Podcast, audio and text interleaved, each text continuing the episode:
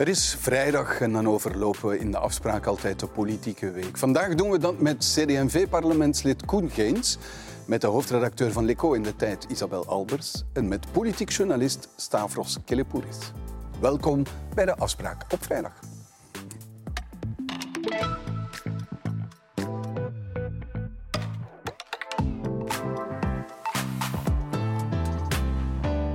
Goedenavond allemaal. Goedenavond Koen Geens. Um, professor emeritus aan de Leuvense Universiteit. En de paus komt de 600ste verjaardag van uw instelling vieren. Bent u dan een blij man?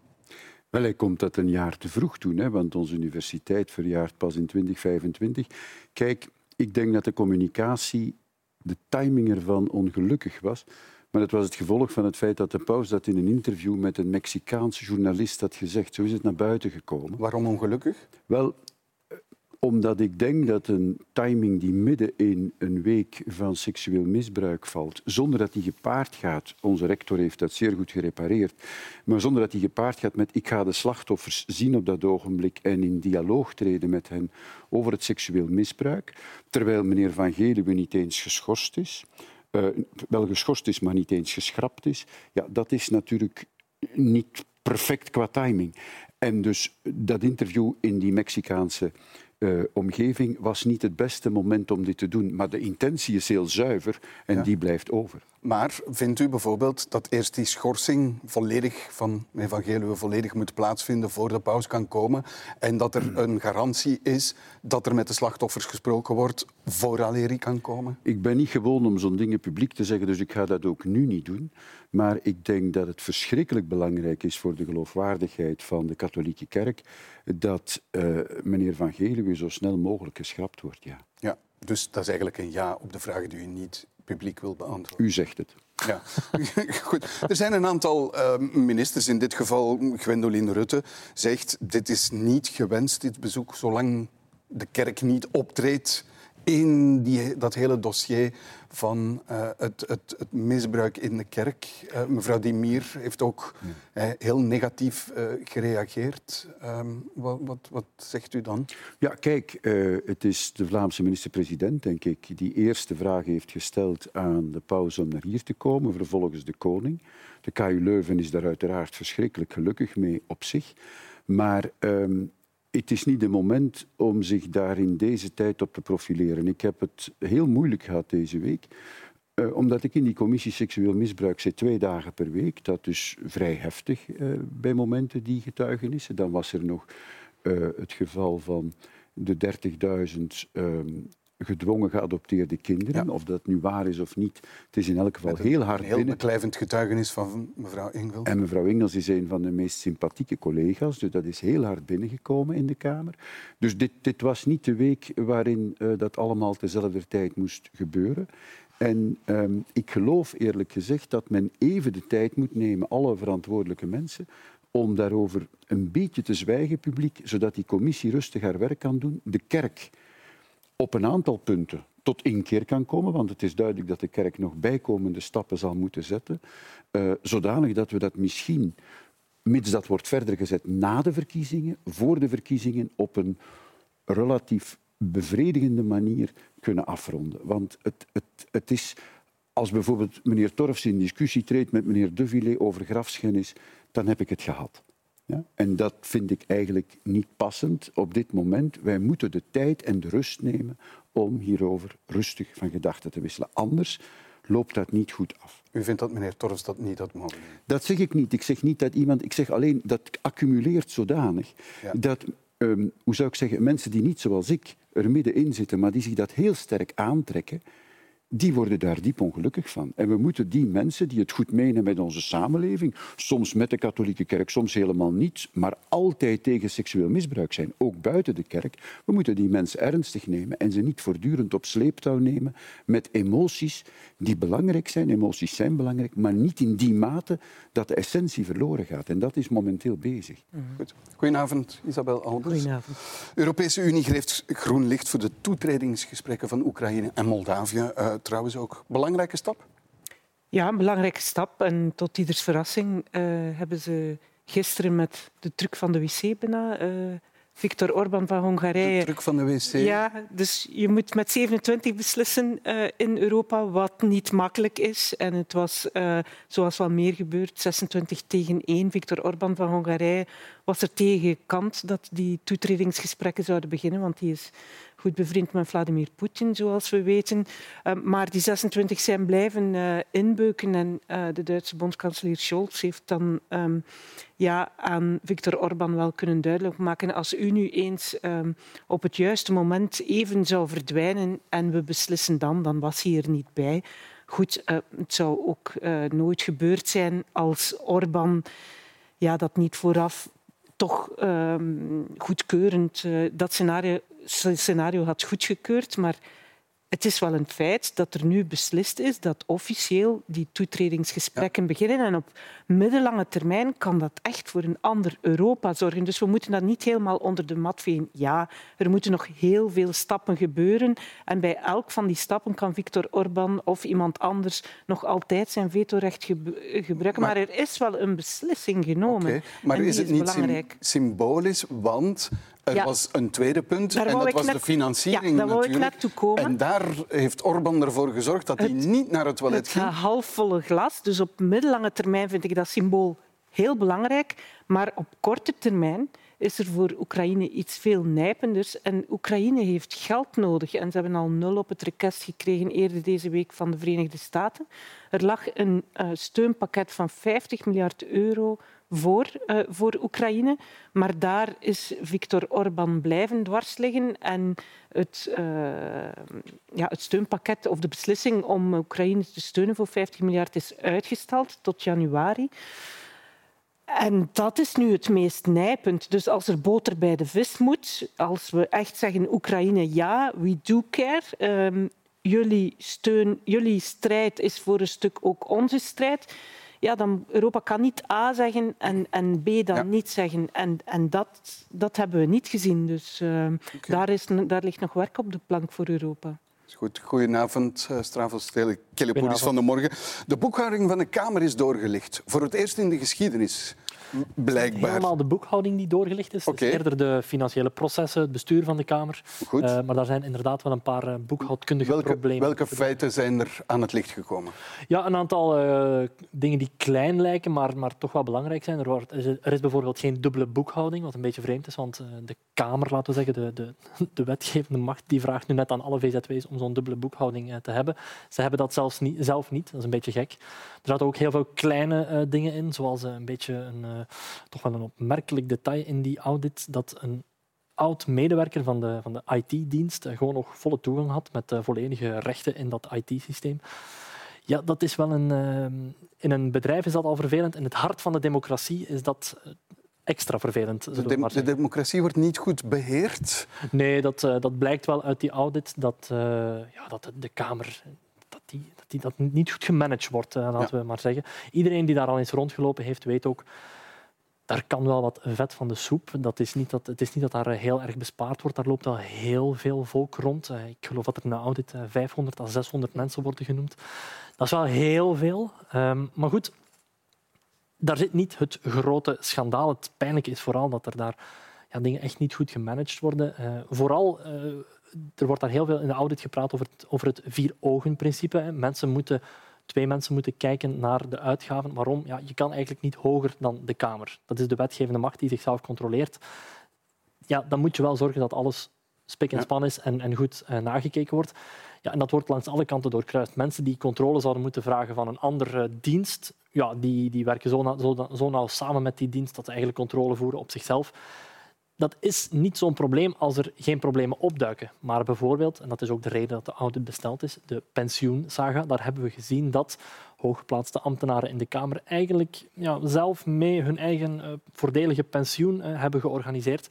Ja, het loopt dus wel fout. Dus dat bestuur van de Kamer ja, moet toch wel echt beter. U bent Kamerlid, eh, meneer, meneer Geens. Ehm, het moet dringend beter veranderen, transparanter. Is dat de conclusie? Ja, er gaat een hervormingsplan moeten voorgelegd worden. Dat staat trouwens ook eh, als aanbeveling in het rapport van het Rekenhof op het einde. Ehm, het is niet goed, eh, maar ja, het glas en half vol. dit is een cultuur die al heel lang verkeerd loopt. Hè. En dus er is een geleidelijke evolutie naar beterschap, vind ik, op het stuk van de pensioenen bijvoorbeeld. Um, op het stuk van de loopbaan, dat was vroeger 20 jaar, nu is dat 45 jaar. Dat is allemaal op zeer korte tijd gebeurd. De benchmarking wat onze verloning betreft, internationaal, is blijken cijfers van het Vlaams parlement niet zo kwaad. Maar er zijn natuurlijk veel gebreken. Ik ga meteen naar mijn conclusie. Vandaag zit er in het bestuurscomité een vijftal, waarvan drie dames die weten wat het is op de kleintjes te letten. Dat is mevrouw Wilmes, mevrouw Van Peel en mevrouw Langerie. Uh, die hebben al drie keer de begroting teruggestuurd voor ze die naar de comptabiliteit hebben laten gaan en ze hebben ze dan nog niet goedgekeurd. Dus er is een verandering, maar voor zover ik professionele milieus ken, en ik heb er wel wat meegemaakt, 90 procent van de mensen wil werken en gerustgelaten worden wat betreft het management. 5 procent wil zich moeien met het beleid en 5 procent loopt er de kantjes af. Die 5 procent die zich wil moeien met het beleid in de Kamer, is altijd een kwestie van anciëniteit en verloning geweest. Dat wil zeggen, hoe langer je in de Kamer zat, hoe meer kans je had, omdat je een extra verloning kreeg, dat je in dat management- of bestuurscomité terechtkwam.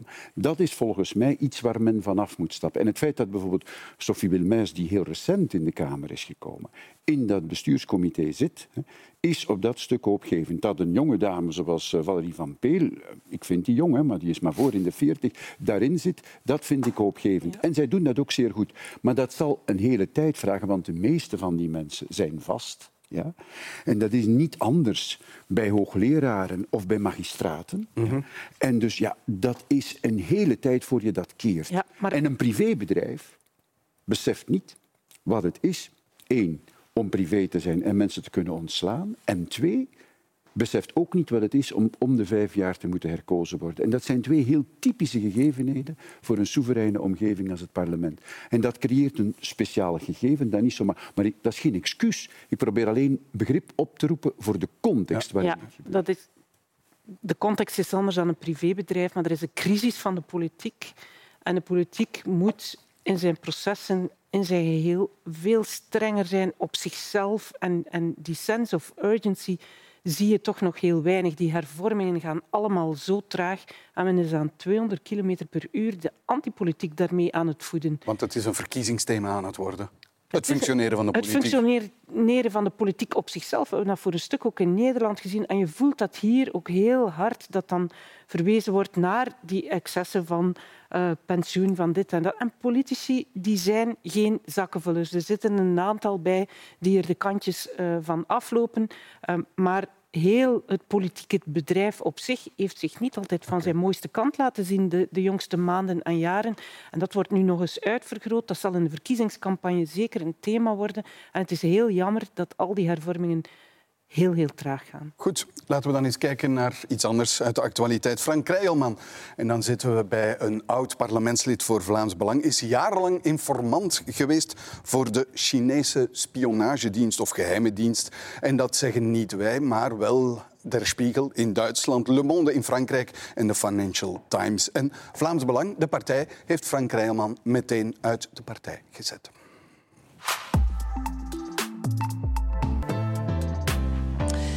Een oud-parlementslid van de radicaal-rechtse partij Vlaams Belang is jarenlang informant geweest voor de Chinese spionagedienst. Dat hoort absoluut niet thuis in een partij zoals onze. De partij heeft dus onmiddellijk ingegrepen vanmorgen, van zodra we dat nieuws vernamen. En uh, is uit de partij gezet. Dat zou eigenlijk willen zeggen dat, uh, ja, dat sommigen onze welvaart, onze veiligheid, onze democratie van binnenuit aan het, eh, aan het saboteren zijn. Dat is maar... Ah, nee, nee, niemand. Ja, hm. Stavros eh, Kelipouris, Frank Rijlman, jarenlang informant. Wat denkt u dan voor de Chinese geheime dienst? Er is toch werkelijk niemand uh, in journalistiek Vlaanderen die daarvan schrok. Want je zei daarnet, hij is meteen uit de partij gezet. Nee, hij is eindelijk uit de partij gezet. Want we weten van Frank Rijlman al vele jaren lang dat hij niet te vertrouwen is, dat hij op plaatsen opduikt waar hij niet moet opduiken al dan niet in nuchtere toestand. Hij is in heel dronken gesignaleerd op de Krim. Ja, uh, dit is politieke corruptie van de zuiverste soort. Hè. De, de sms'en die, die, indien, uh, die, sorry, die, die gelekt zijn, zijn ook niet de, de minste. Dat zijn echt sms'en met de Chinese spionagedienst. Ja, het ligt er vingerdik op. Frank Krajelman was gewoon een, een iemand die zich liet omkopen voor buitenlandse spionage. Ja. Honderden en honderden WhatsAppen. En Ja, en- nog voor flinke bedragen ook. Ja, mevrouw Albers, eh, de premier zei van dit is een sabotage van onze veiligheid en onze welvaart. Ehm, ja, is dat sabotage? In ieder geval is het een poging om democratie van binnenuit uit te hollen. Het is al zo ver gekomen. We hebben Qatargate gehad in het Europees Parlement, maar ook in onze eigen parlement. Oké, hij zat nu niet meer in het Hij parlement, was maar het is een gemeenteraadslid. gemeenteraadslid en oud parlementslid, vele jaren lang, vele jaren lang, toch heel dicht bij die inner circle van, van de absolute top van Vlaams Belang geweest, heel dicht bij Philippe de Winter. En dan zie je hoe zo'n figuren van binnenuit, eh, met gerichte tussenkomsten, met eh, een, een- aantal beïnvloedingen, echt proberen eh, ja, China hier meer voet aan wal te laten krijgen. En dat is zeer bedenkelijk. En dit is wellicht het tipje van een, van een grotere, grotere beweging, want het is niet de eerste keer. Staatshervorming heeft al... st- sorry, staatsveiligheid, excuseer. De staatsveiligheid heeft al verschillende keren gewaarschuwd voor extreem rechts en banden met ehm, China, met andere regimes en de beïnvloeding hier, zonder namen te noemen weliswaar. Wel, we hebben nu één naam. Ja. We zullen zien of het verder uittijdt Het of heeft niet. natuurlijk wel iets komisch, want als er nu één iemand op de radar van de staatsveiligheid zou staan, ja, dan was het wel Frank Krijlman. Met, met de geschiedenis Ja, die, we- ja, die we absoluut. kennen. Geens, u bent oud-minister van Justitie. Wat, wat is de, de juridische kwalificatie? Is dit landverraad, eh, om nu eens een zwaar woord te gebruiken? Wel, er zijn verschillende kwalificaties mogelijk. Ik weet niet wat die meneer Krijlman allemaal heeft uitgespookt. Maar eh, spionage is een mogelijke kwalificatie. Een mogelijke kwalificatie is, indien dat zou gebeurd zijn, het overmaken van geheime documenten eh, of staatsgeheimen aan een vreemde mogendheid. Of beïnvloeding eh, van het beleid eh, op een ongeoorloofde manier. Bijvoorbeeld zeggen dat een resolutie over de Oeigoeren niet mag worden goedgekeurd. Dat is dat is allemaal niet zo evident strafbaar, maar corruptie is in elk geval wel strafbaar. En ik heb het gevoel dat we hier wel met een geval, ik heb het gevoel, ik weet het niet zeker, dat er hier wel sprake zou kunnen zijn van corruptie. En dus op die manier zou je het strafbaar kunnen, kunnen stellen. Egbert Lachaert, oud-voorzitter van Open VLD, zei van ooit zullen we eens alle netwerken bloot komen te leggen die het gericht hebben op de destabilisering van de westerse democratieën. Is het dat? Ja, het is toch meer dan Frank Krijlman alleen. Ehm, want dit, goed, dit is natuurlijk, dit is om te beginnen het topje van de ijsberg. Dit is iemand van wie we het weten en van wie niemand echt schrikt. Maar eh, ook Philippe de Winter is al vaak in verband gebracht met ehm, ja, hand- en spandiensten voor China, zal ik maar zeggen. Eh, Anke van der Meers, eh, Jan Penries, die zaten altijd in dezelfde sfeer. Je kan wel zeggen, ja, het heeft iets tragisch dat eh, China denkt uh, we moeten Frank hebben om de democratie in België te beïnvloeden, want dat zal niet gebeuren. Maar je gaat natuurlijk nooit je spionage via de premier gaan doen. Je doet het altijd via een kleine garnaal die hoger op de ladder iets kan forceren. Ja, en dan moet je wel zeggen, een aantal mensen van Groen bijvoorbeeld hebben daar vandaag op gewezen. Er zijn tussenkomsten van Vlaams Belang in het parlement die wel heel hard lijken op tussenkomsten van het AFD in Duitsland, ook in het parlement. AFD, radicaal-rechtse partij in Duitsland. Ja, dat, dat is ook hetzelfde netwerk. Um, ja, Philippe de Winter, heel goed bevriend met Frank Rijman. Via Frank Rijman kan je Philippe de Winter bepaalde ideeën uh, aan het hoofd brengen. En Philippe de Winter zit natuurlijk nog altijd dicht bij die partijtop van ja. wat eigenlijk ja. straks de grootste partij van Vlaanderen zou ja, kunnen En je ziet, je ziet hoe die partij er zeer mee verveeld zit. En sinds de oorlog in Oekraïne zitten ze daar ongemakkelijk mee, want ze zijn niet alleen bij China, maar heel, heel dicht ook uh, bij Rusland. Um, en dan zie je hoe vandaag niemand iets wil zeggen, behalve de partijwoordvoerder, maar zijn van kijk, wij reageren... Uh, er is bliksemsnel gereageerd. Wij reageren bliksemsnel en zeer direct en hij wordt uit de partij verwijderd. Maar uh, zoals Stavros zegt, eindelijk, uh, ze hebben heel veel kansen laten liggen om Krijlman en anderen uit de partij te verwijderen. Ja, er is die, die, dat bezoek aan de Krim geweest in 2014 al, dat op dat moment ongeoorloofd was, waar ze bovendien uh, niet alleen uh, in alcohol, maar op andere manieren uh, ook het liederlijk leven hebben beoefend. Maar ja, je kan je ook heel erg vragen stellen over ja, het waarom van, van, van die missie. En dat blijft die partij nu wel achtervolgen. En ze zitten daar heel moeilijk mee. En er zijn nog andere namen Namelijk bijvoorbeeld een parlementslid op dit moment, Steven Krijlman. Dat is namelijk de broer van Frank Krijlman en die is voorzitter van de commissie Leger aankopen. Groen maakt ons daar via sociale media op attent en vraagt zich af of dat ook niet onderzocht moet worden, hoe die link is en hoe dat allemaal gebeurt. Hoe kijkt u daar als Kamerlid naar? Wel, laat ons zeggen, ik ben blij dat de pers de focus is stelt op het Vlaams Belang. Omdat het zo makkelijk is om de centrumpartijen aan te pakken. Die lenen zich daar ook iets makkelijker toe, want die sluiten minder het blok en de rangen op het moment dat er wordt aangevallen. Wij zijn opener en eerlijker dikwijls over wat er gebeurt. En het is gemakkelijker om vanuit de oppositie de meerderheid aan te vallen dan vanuit de meerderheid de oppositie. Dus laat ons dit eens grondig bekijken in elk geval. Maar het feit dat meneer Van Grieken niet in beeld komt, is, is typisch. Hij zit trouwens ook in het bestuurscomité van die dames, waar ook uh, Christophe Calvo bij zit, waarvan ik daar straks sprak. Dus het is gemakkelijk om op de Kamer te schieten terwijl je mee in het bestuurscomité zit. Hè, en een belangrijke partij bent in het parlement. Nu, dat gezegd zijnde, um, we moeten goed kijken welke vragen die meneer Krijlman stelt welke, in de Kamer. Welke van de twee? Steven Krijlman. Dus we, we, hebben er eens door ben ik mijn broeders hoeder? Ben je verantwoordelijk nee. voor, je, voor je broer? Op zich niet, natuurlijk. Nee, dat, dat zou ik niet durven zeggen. Maar het is wel zo dat hij op een opmerkelijke wijze in China geïnteresseerd is, bijvoorbeeld. En dat ik dus niet zeker ben, maar ik ga geen vermoedens uiten, uh, of daar geen link is. Dat moet bekeken worden. Dat hij het comité leger aankopen voorzit, moet op dat moment een beetje argwaan wekken. Hè. We moeten professioneel sceptisch zijn. En dat ben ik, maar ik weet het niet en ik durf dus ook niemand beschuldigen voor ik feiten heb die dat ja. rechtvaardigen. Is, is het opvallend? Hier zitten twee vertegenwoordigers van, van de pers. De pers heeft dit naar buiten gebracht, niet de staatsveiligheid. Er is niet via een onderzoek uh, en officieel in verdenking stellen. Het ja. is via een lek in de pers. Mag ik uh, toch even iets zeggen? De staatsveiligheid heeft niet tot taak dit, dit soort zaken naar buiten te brengen. Ja. Die heeft tot taak dat aan de minister van Justitie te laten ja. weten. Voilà, maar het is ook via die weg, de minister van Justitie, via eventueel een onderzoek, een beschuldigingsstelling, niet naar buiten uh, gebracht. Nee. Blijkbaar zijn ze al een paar maanden op de hoogte ook van de naam Krijlman. dat laten wij ons toch wel vertellen.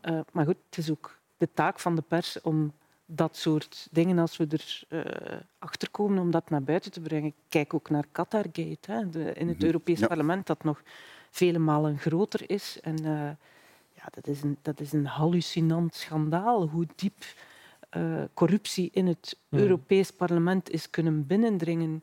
En ja, daar heeft de pers als vierde ja, macht absoluut een rol te spelen. Maar we moeten daar ook bescheiden in zijn. Het is ook niet makkelijk om daar in dat soort netwerken de ware toedracht mm -hmm. uh, te achterhalen. Uh, dat is zo. Dus wellicht is dat het tipje of is dat, zit daar een ijsberg onder uh, die we momenteel niet kunnen blootleggen. Het zijn altijd regimes ook die, die heel groot zijn, heel machtig. Qatar heeft een, laten we zeggen, een geldput die bijna oneindig is. China dat zal er niet veel minder zijn. We moeten daar niet naïef in zijn. Het feit dat die flinke sommen geld willen geven aan iemand als Frank Krijlman, Krijlman sorry, dat wil zeggen dat er hier, hier iets te rapen valt en dat ze daar flink geld tegenaan willen ja. gooien. En maar... als ik nog één ding mag uh, over, over de journalistiek. Ja, binnen onze eigen kleine kring uh, proberen we aan dat onderzoek te doen. Maar er is toch iets hoopgevend uh, de laatste jaren in de journalistiek. En we proberen daar bij de tijd echt um, zwaar op in te zetten ook, dat zijn de internationale samenwerkingsverbanden tussen journalisten. En die zijn alleen maar aan het groeien. Een onderzoeksconsortium zoals ICIJ bijvoorbeeld, die heel veel in het fiscale naar voren gebracht heeft, die ook effectief maakt dat dingen op Europees vlak veranderen. Um, ja, dat is wel een goede manier van werken. Van... Dat is wel de kracht. Okay. En je ziet hier ook dat er een aantal uh, media samen uh, dit onderzoek hebben gedaan. Meneer we, we, focussen nu op uh, Vlaams Belang met een aantal namen die daarnet geciteerd zijn. Maar Jonathan Holslag bijvoorbeeld heeft al verschillende keren naar een oud boegbeeld van uw partij, Yves Le Terme, gewezen, die bestuurder is van bedrijven in China en letterlijk zegt van ja, die man staat onder invloed van China en dat is niet zonder gevaar. Laat mij eerst heel kort zeggen, elke grote natie die zichzelf respecteert, heeft spionnen. Hm? Dus ook de Verenigde Staten heeft spionnen. En ik herinner mij dat het wel eens zou gekund hebben dat het Belgacom-netwerk gehackt was door de Britse veiligheid. Dus we mogen niet denken dat alleen de Chinezen uh, dit doen. Een grote natie doet dat nu eenmaal. En onze staatsveiligheid en onze andere diensten weten dat zowel op de ambassades als in de wereld van de zaken, als in de wereld van de journalistiek, als in de wereld van de politiek, ja. um, geheimagenten aan het werk zijn. Twee, uw eigenlijke vraag. Um, zakelijke belangen en de verhouding met China. Er is een mooi boek geschreven onlangs, Has China Won, van meneer Mabubani. Heeft China gewonnen? En wij moeten toch voorzichtig zijn. De Amerikanen hebben ons in die dialoog gestoken van China is de vijand. Wij zijn gedwongen om met een land van 1,4 miljard mensen samen te werken. Ik zou de kost niet willen geven aan alle Belgische bedrijven, alle Belgische universiteiten die intensief samenwerken met China. Dat stopzetten is voor mij geen optie, want dat gaat in tegen de gang van de wereld. Is meneer Holslag dan te alarmistisch voor u? Nee, dat zeg ik niet. Maar ik zou niet durven uh, meneer Leterme te sprake brengen wanneer ik meneer Krijlman te sprake breng. Dit gaat over een Belgisch zakelijk belang dat hij verdedigt op een open manier en een open verhouding met China, waarbij we onze strategische belangen bewaken, lijkt me in het belang te zijn van de wereldvrijhandel. Dat is mijn persoonlijke mening. Ik zeg niet dat dat de mening is van mijn partij, maar ik heb daar een tijdje over nagedacht. Op een bepaald moment was voor de Verenigde Staten elke Chinees een spion. Dat is interessant, maar dat is natuurlijk niet zo. Ja, ik, ik, ben daar toch iets voorzichtiger in. Uh, State Grid, het bedrijf dat hier in Eandis uh, ging investeren, is ook mede-eigenaar van onder andere ik geloof, het Portugese en het Griekse stroomnetwerk. Ja, alle bedrijven in China hebben een soort uh, belofte aan de staat dat zij staatsbedrijven zijn, dat zij de, de belangen van de Chinese staat zouden moeten verdedigen. Ja, dat een bedrijf het Griekse of Portugese stroomnet, ik ben nogal bevooroordeeld over het Griekse stroomnetwerk, maar goed, dat die uh, in het Griekse stroomnetwerk zouden kunnen ingrijpen als de Chinese staat dat vraagt. Dat is toch... Maar, ja, maar het, beveiligen, het beveiligen, van, afgewend, maar... het beveiligen van onze strategische belangen daar heb ik geen enkel probleem mee. Ja. Nee, maar over heel Europa zijn er strategische belangen die niet meer beveiligd zijn. Nee, nee, maar onze wetgeving is daar nu op toegepast op dit ogenblik en op geënt. En alle Europese landen, ook de Europese Unie, zorgt ervoor dat we nu systematisch die check doen en dat is nodig. Het enige wat ik zeg is, je kan de handel met China niet lam leggen. En je kan dus ook niet doen alsof die wereld niet bestaat. Ik, ik, ik, volg meneer Geens wel in die zin dat ja, China en de Chinese economie, uh, ze is er. En, en ofwel heb je een wereldbeeld of een beeld op de, op de wereldhandel om te zeggen we gaan terug naar af en geen wereldhandel, dat daar uh, bepaalde verbanden moeten uh, gelegd worden. Uh, Yves Leterme is voorzitter geweest van de Europese tak van een groot Chinees investeringsfonds, maar heeft dat wel bekendgemaakt, dus dat is wel iets anders dan Krijlman. Uh, is nu ook adviseur van uh, Silk Road Trust of zoiets, een, een, een bureau. Ja. ja initiative. Uh, de, zijderoute-initiatief, in ieder geval een bureau dat, dat ook kijkt hoe Chinese bedrijven kunnen kunnen mergen, kunnen ja. dingen kopen maar hier. allemaal op een heel transparante en open manier. Op een voor zover wij weten, transparante manier. Natuurlijk, ja, waar stopt dat en, en, en, ja. en, en, waar begint dat? Uh, als een bedrijf als Ai Weiwei um, ja, wil on speaking terms komen met uh, politiek, met journalistiek, ja, dan zal Yves Le Terme ook wel in zijn telefoon plegen. Dus we moeten daar op zijn minst heel, heel transparant in zijn, want hij is natuurlijk oud-premier van het land. En dan vind ik toch dat je dan dubbel voorzichtig moet zijn. Okay. Want je hebt ook een verleden als ja, oud-leider van dit land. Ja, meneer Kelepoeris, nog een laatste vraag. Gaat dit gevolgen hebben voor Vlaams Belang bij de verkiezingen? Het zal me eerder verbazen. Ik denk dat weinig mensen echt geven om de Chinese inmenging van Frank Krijlman, die, laten we eerlijk zijn, politiek gezien een beetje een marginaal figuur was. Ja, maar eigen volk eerst. Um, het is ja, ook de reden waarom hij uit de partij is gezet, omdat hij de belangen van de Vlaming niet heeft gediend, letterlijk. Ja, het is, het is extreem pijnlijk, maar ik denk, uh, Vlaams Belang is het de voorbije jaren in de peilingen uh, sterk omhoog gegaan. Ik denk niet dat de mensen die nu uh, voor Vlaams Belang zouden stemmen, dat die nu massaal gaan afhaken, omdat er iemand van wie ze waarschijnlijk nog nooit gehoord hebben, zich liet betalen door de Chinezen dan denk ik dat de, de redenen om voor Vlaams Belang te stemmen toch net iets anders liggen. Oké, okay, goed. De regering De Croo, gaan we naar een tweede onderwerp. Want de regering De Croo heeft deze week nog een paar laatste knopen doorgehakt. Eén belangrijke. De algemene overheidssteun voor de krantenbedeling wordt zo goed als afgeschaft en vervangen door een subsidie voor krantenbedeling in dun bevolkte gebieden. Na twee weken onderhandelen heeft de federale regering eindelijk een akkoord over het krantencontract bereikt.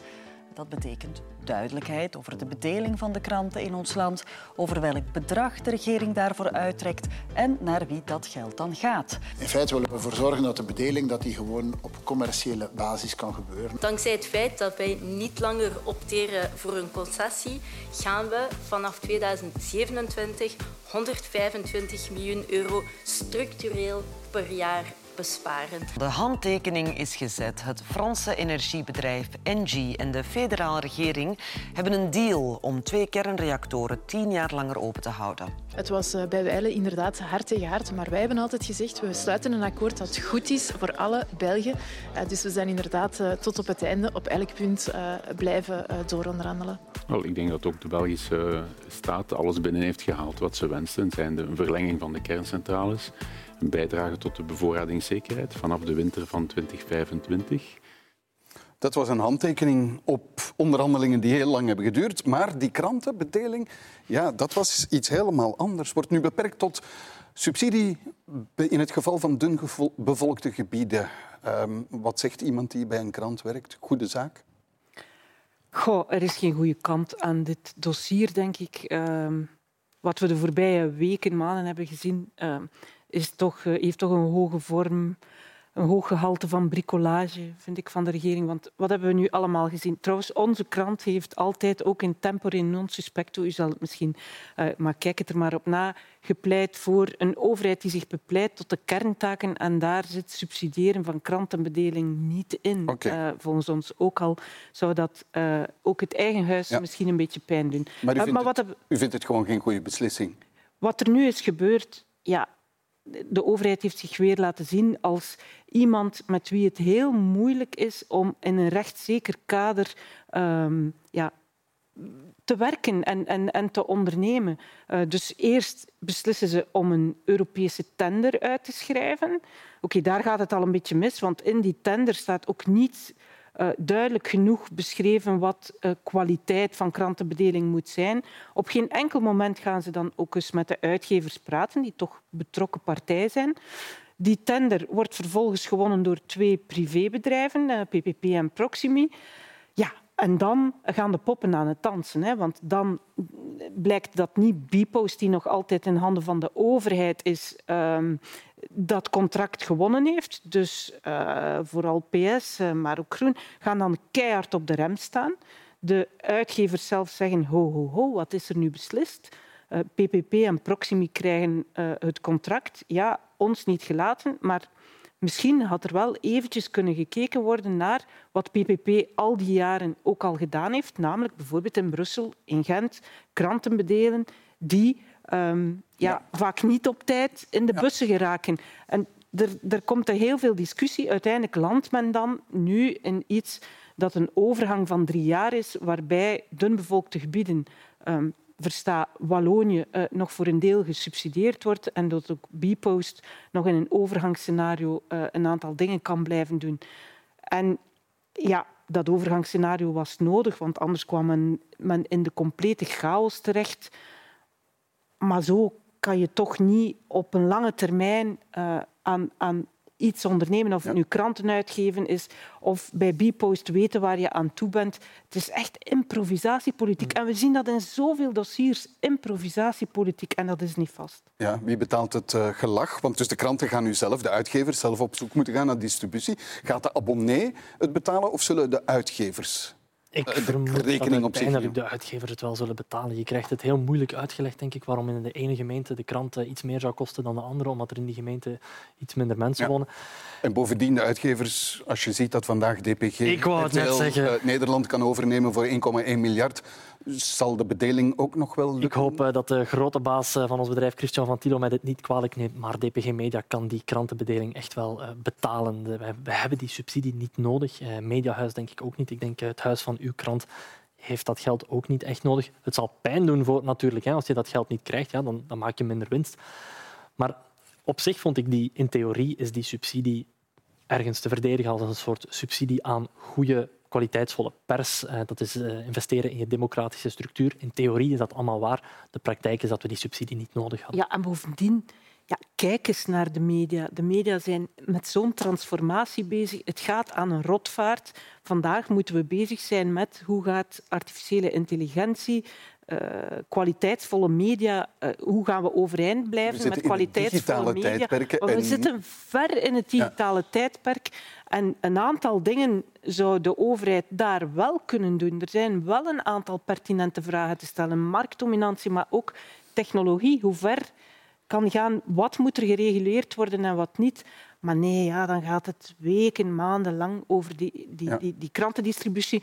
Ja, het echte probleem zit hem bij de hele vele problemen die Bpost heeft. En als ze nu dat contract ook nog helemaal kwijt waren, ja, dat gaat eventjes pijn doen daar ook. Mag ik misschien toch nog toevoegen? Ik ben het wel eens. Het probleem is toch gebeurd bij het uitschrijven van die tender. Want toen dan bleek dat PPP en Proximi eh, dat contract binnenhaalden, dan was er meteen kritiek. En ik denk ook wel dat, dat dat oprecht is vanuit de regering. Ja, we gaan toch geen subsidies geven aan een bedrijf dat de bedeling doet zoals ja, PostNL dat doet met zeer veel onzekere contracten, zeer veel tijdelijke arbeid, arbeid waarvan we niet zeker zijn dat we die echt willen. Ik vind dat een te verdedigen keuze dat we dat niet willen subsidiëren. Maar je weet... Maar schrijf je kan... dat dan in die tender. Voilà, je kan dat perfect op voorhand weten. Eens, improvisatie van, van de regering en een beetje een symbool van hoe de politiek functioneert. Rechtszekerheid ontbreekt, op lange termijn zeer moeilijk. Het zijn dingen die we heel vaak horen bij beslissingen van een regering. Wel, ik heb ooit in een regering gezeten die vrij systematisch werkte. Dat was de regering Di Rupo. Ja? En um, dat was een regeringsleider die precies wist wat we beslisten en die dat ook zo communiceerde nu nadat we heel lang vergaden. Ja, dat is. Goh, wij zijn alle twee niet meer zo jong, hè, meneer De Vader, maar u bent veel jonger dan ik. Maar dat gezegd zijnde. Um, het is een kwestie van voortschrijdend inzicht geworden. En het NG-dossier heeft dezelfde kenmerken. Uh, men begint ergens in een uitgangssituatie en dan komt men soms bij toeval uit bij het goede resultaat. Misschien is dit niet het slechtste resultaat. Het is eigenlijk wel een, een, zeer negatief beeld dat u schetst maar, van de maar het is, het is, het is, per toeval uitkomt ja, bij het maar dat resultaat. is omdat als je met zeven partijen over iets eens moet geraken, is dat bijzonder moeilijk. Ik verdedig dat niet. Mag ik nog iets zeggen daarover? Wij komen onszelf tegen in zo'n dossiers. Hm? De kernuitstap is een voorbeeld. Dat had niet moeten beslist worden ooit. Maar als men erop terugkomt, moet men er op tijd op terugkomen. De post privatiseren in zijn kerntaak, dat wil zeggen in de postbedeling in de kleine gemeenten, dat was geen goed idee. De NMBS privatiseren, dat zal ook geen goed idee zijn. En dus wat krijg je dan? Omgekeerde effecten. Ja, mevrouw Albers, wat je krijgt, is je gaat dan die post subsidiëren om toch maar hoogwaardige arbeid te kunnen krijgen aan redelijke lonen van statutaire ambtenaren.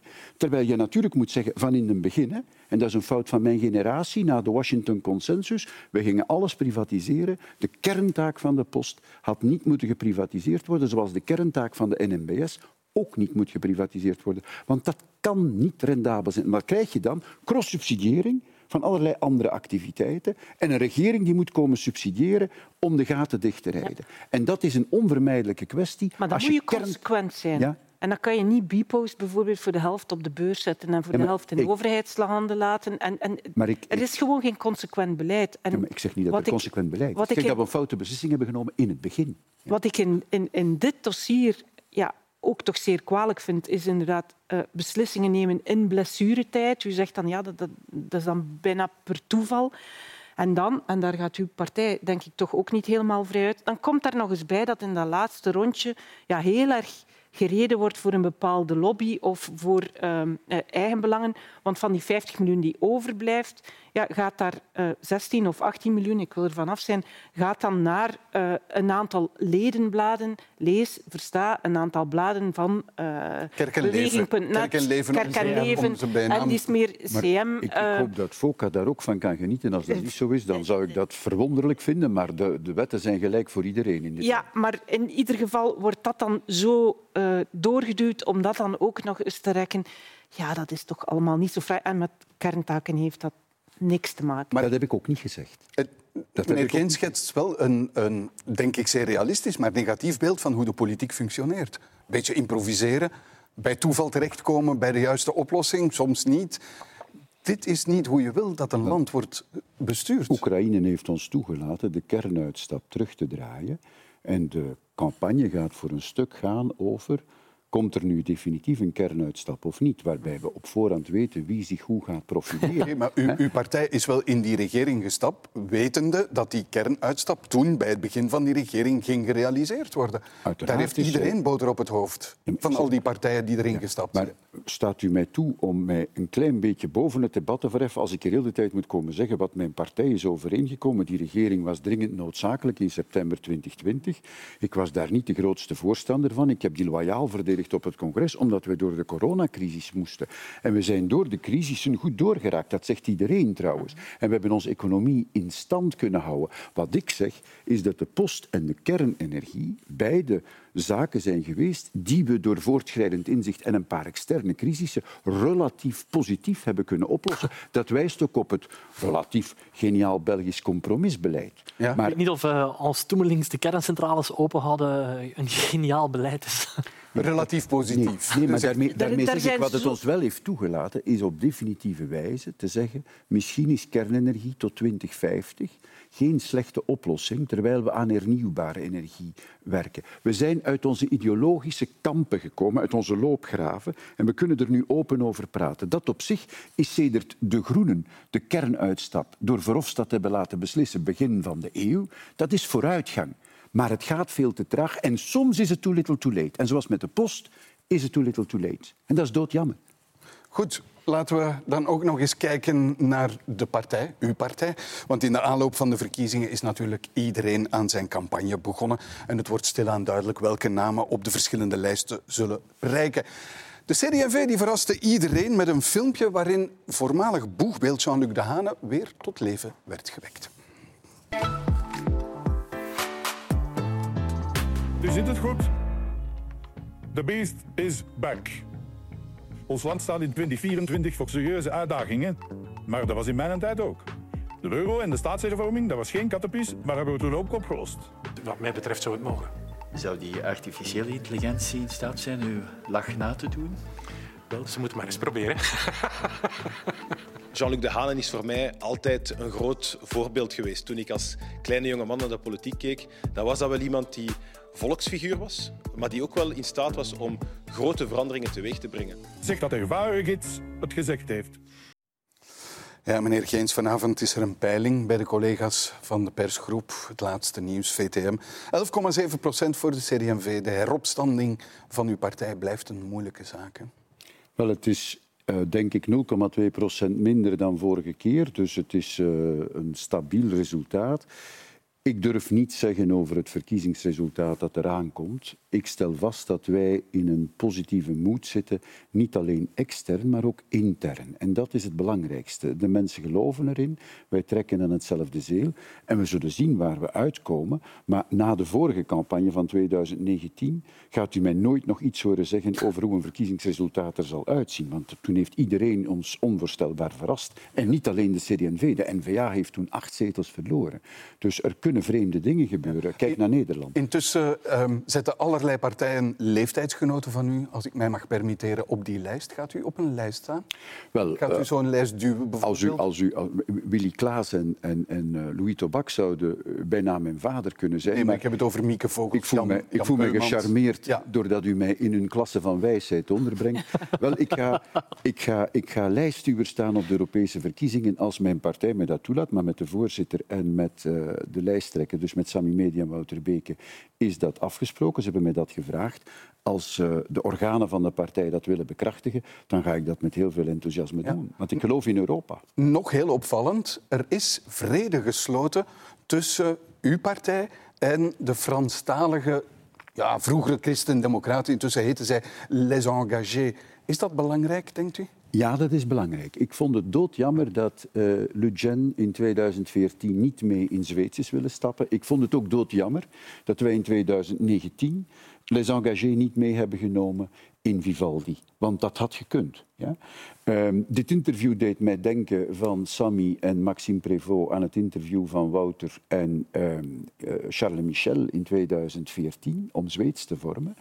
En dus als wij een as kunnen vormen, want les engagés zitten in de lift, ja, uh, dan geloof ik wel dat er een toekomst is voor die as. Ik zou in elk geval mij altijd met die partij verbonden hebben, omdat we moeten in dit land over de band spelen. VLD en MR zijn het ongeveer over niks eens, maar ze hebben wel macht in de regering door hun tanden. Begrijp je? Maar daar zegt u, het gaat om, het gaat om macht. hè. Het is, een, het is een vorm van de, Politiek de partij groter maken dan ze eigenlijk Ja. is. Ja, nee, natuurlijk. Maar uw partij, met alle respect, stelt veel minder voor dan een aantal jaar terug. De band aanhalen met Les Engagés is ook een manier om overeind te blijven. Maar ondertussen twee kleine partijen. Ja, maar kijk eens, de andere centrumpartijen, behalve misschien vooruit als de PS het toch nog goed blijft doen, de andere centrumpartijen, ook Groen, vooruit, ehm, VLD, zitten in hetzelfde schuitje. En we gaan niet zeggen wie het meest zal halen, maar we zitten absoluut niet in het slechtste bootje op dit ogenblik. Ja, natuurlijk. En als we ons verbinden, dan kan dat tot een goed resultaat Ja, leiden. het is, de zusterpartijen zijn nodig om de extremen tegen te kunnen gaan. Die geen zusterpartijen Ja, hebben. binnen, binnen het centrum gaat men kortzachtig op zoek naar hoe kunnen we ons versterken. En ik ben het eh, eigenlijk wel eens met eh, meneer Geens dat eh CD&V de jongste weken, maanden toch binnen dat centrum er een beetje positief eh, bovenuit stak. Misschien omdat er veel fratsen bij de anderen waren. Hè. We hebben al het gedoe gezien bij VLD over, over de plekken op de lijsten en terugkeer van Gwendoline Rutten. Conor bij, die- bij Vooruit hebben we eh, al de gebeurtenissen rond Conor Rousseau gezien. En een paar figuren binnen CD&V, Vincent van Petegem, Hilde Krevits, er zijn er misschien nog een paar, ja, die, die ministers waar, probeerden op zijn minst terug die traditie van goed bestuur. Wij zijn misschien een beetje saai, als u mij toelaat, maar degelijk. En saai is back als we kijken naar Pieter Omtzigt, die via eh, goed bestuur ehm, in Nederland vanuit het Ja. niets 20 zetels heeft gewonnen. Dus daar lag misschien een kans, kansje om vanuit dat centrum En CD&V weer een Hoe belangrijk is dan die band met bijvoorbeeld een zusterpartij? Ja, tuurlijk is dat belangrijk als je dan kijkt naar toekomstige coalities. is zeer belangrijk, maar Les Engagés is nog kleiner dan CD&V. Ze hebben daar wel een paar interessante nieuwe figuren aangetrokken. Maar als je dan ziet, dat filmpje, dat vond ik vooral getuigen van weinig smaak. En ik vond het vooral ook niet nodig om dan zo... Ja, je kan natuurlijk zeggen, eh, any publicity is... There is no such thing as bad We hebben er allemaal heel veel over gesproken. En er is heel veel over gesproken, maar ja, moet dat nu? Ik vond het zo smakeloos. En, en ja, ga toch uit van je eigen kracht en van, van dat bestuur en van die figuren die er proberen Vond- wel vond nog vanuit dat centrum iets van te maken. Vond u het een goed filmpje, meneer Gent? Wel, voor mij was er één belangrijke vraag. Wat zou Jean-Luc Dehane daar zelf van gevonden hebben? En hij zou dat geweldig gevonden hebben. Hij zat zo in elkaar. In campagne mocht men alles doen met hem. En dus eh, hij heeft op een stier gezeten, hij heeft een dolfijn gezoend terwijl hij riep het leven is mooi. Eh, men dacht dat hij zong. Eh, hij heeft de gekste dingen gedaan op televisie. Hij is een keer in zijn Bermuda op televisie geweest. Hij zou dit absoluut plezierig gevonden hebben. En het is misschien niet, hoe zou ik zeggen, heel esthetisch, zoals, want smaakloos en saai, dat zijn woorden die men op CD&V niet kan toepassen, mevrouw Albers. Die pas ik op de tijd ook niet toe. Maar eh, het is misschien een beetje speciaal. Iedereen heeft erover gesproken. En er is niks mis met te zeggen, wij hebben ook in onze partij een boegbeeld gehad dat nee kon zeggen en dat vooruit kon gaan. Ja. Maar tegelijkertijd, de andere associatie van dat boegbeeld was de loodgieter die in kastelen akkoorden ging sluiten boven de hoofden van de mensen heen. Dus je brengt alle associaties die met die persoon te maken hebben, zowel de positieve maar- als de negatieve. Dan zou ik zeggen dat we misschien toch wel eh, iets vaker akkoorden zouden moeten kunnen Absoluut. sluiten boven de hoofden van het gewoel heen dan. Want dat, Dus je vindt het een positieve associatie. Destijds was als, dat je, niet. als je mij wilt doen zeggen dat het eh, filmpje een goed filmpje was, dan dat nee, nee, nee. absoluut niet. Nee, nee. Maar de loodgieter die die akkoorden kan sluiten, is een positieve associatie. verkeerd. Eh, Ik denk dat er eh, iets te, iets te weinig mensen in de wedstrijd rondlopen die zeggen ik ga me nu boven het gewoel zetten om een akkoord te forceren. Eh, en, en dan er, er Ja, maar je, ziet, maar je moet ook weten van de Hane, inderdaad, de loodgieter en de man die eh, ons in de euro heeft geloodst en, en die een aantal hele grote dingen heeft gedaan. Heel veel later is hij dan teruggekomen om te proberen in de staatshervorming eh, om toch te, te proberen een aantal brokken te lijmen. Dat is toen ook niet gelukt. En hij heeft toen Dexia, gezegd... Dexia Hij heeft toen gezegd, ik ben geen politicus, niet meer van deze tijd. Dat is ondertussen ook alweer wat jaren geleden. En nu toch weer met zo'n figuur moeten Ja. uitpakken. Dan Maar- denk ik, speel toch jullie jonge mensen Maar mag ik uit. zeggen dat, dat omdat u het eh, mij in de mond legt, mevrouw Albers, we hebben zes ongelooflijk sterke ministers die misschien inderdaad een beetje saai zijn, maar eh, die zorgen voor resultaat en die zichzelf niet uitroepen tot vedette, maar die ervoor zorgen dat het vooruit gaat. En ehm, ik denk dat in de campagne, want dat is met de 11,7 procent de vraag, wij zullen in elke provincie sterk staan. We zullen in elke provincie een sterk boegbeeld hebben. Ja. En dat zal bij de percentageberekening, denk ik, een heel groot verschil maken. Dus ik ben relatief gerust dat we het niet slecht gaan doen. Ik heb dat nog gezegd op de publieke zenders. Eh, en eh, ik heb vertrouwen in die jonge ploeg die er staat. Want eh, na vier jaar of na drie jaar en een half kan je van geen onder hen zeggen dat ze niet in de wedstrijd, in het parlement, voluit worden gerespecteerd door hun collega's, door de parlementaire en door de journalisten. En dat is na verkiezingen in 2019 die niet goed waren, een echte prestatie. Vind ik. Nu nog de kiezers. Ja, we hebben een voorzitter die er ook staat. Dus volgens mij gaat dat... En uiteraard een Europese lijst met Wouter Beken op kop en mij als die, en met u als schitterend gaat doen. Voilà. Goed, daarmee zijn we aan het einde van deze afspraak op vrijdag. En daarmee is weer een politieke week netjes neergelegd. En zoals altijd dank ik mijn gasten voor de deskundige hulp daarbij. Koen Geens, Isabel Albers en Stavros Kelepouris. En u, beste kijkers, dank dat u er weer bij was. Tot volgende week.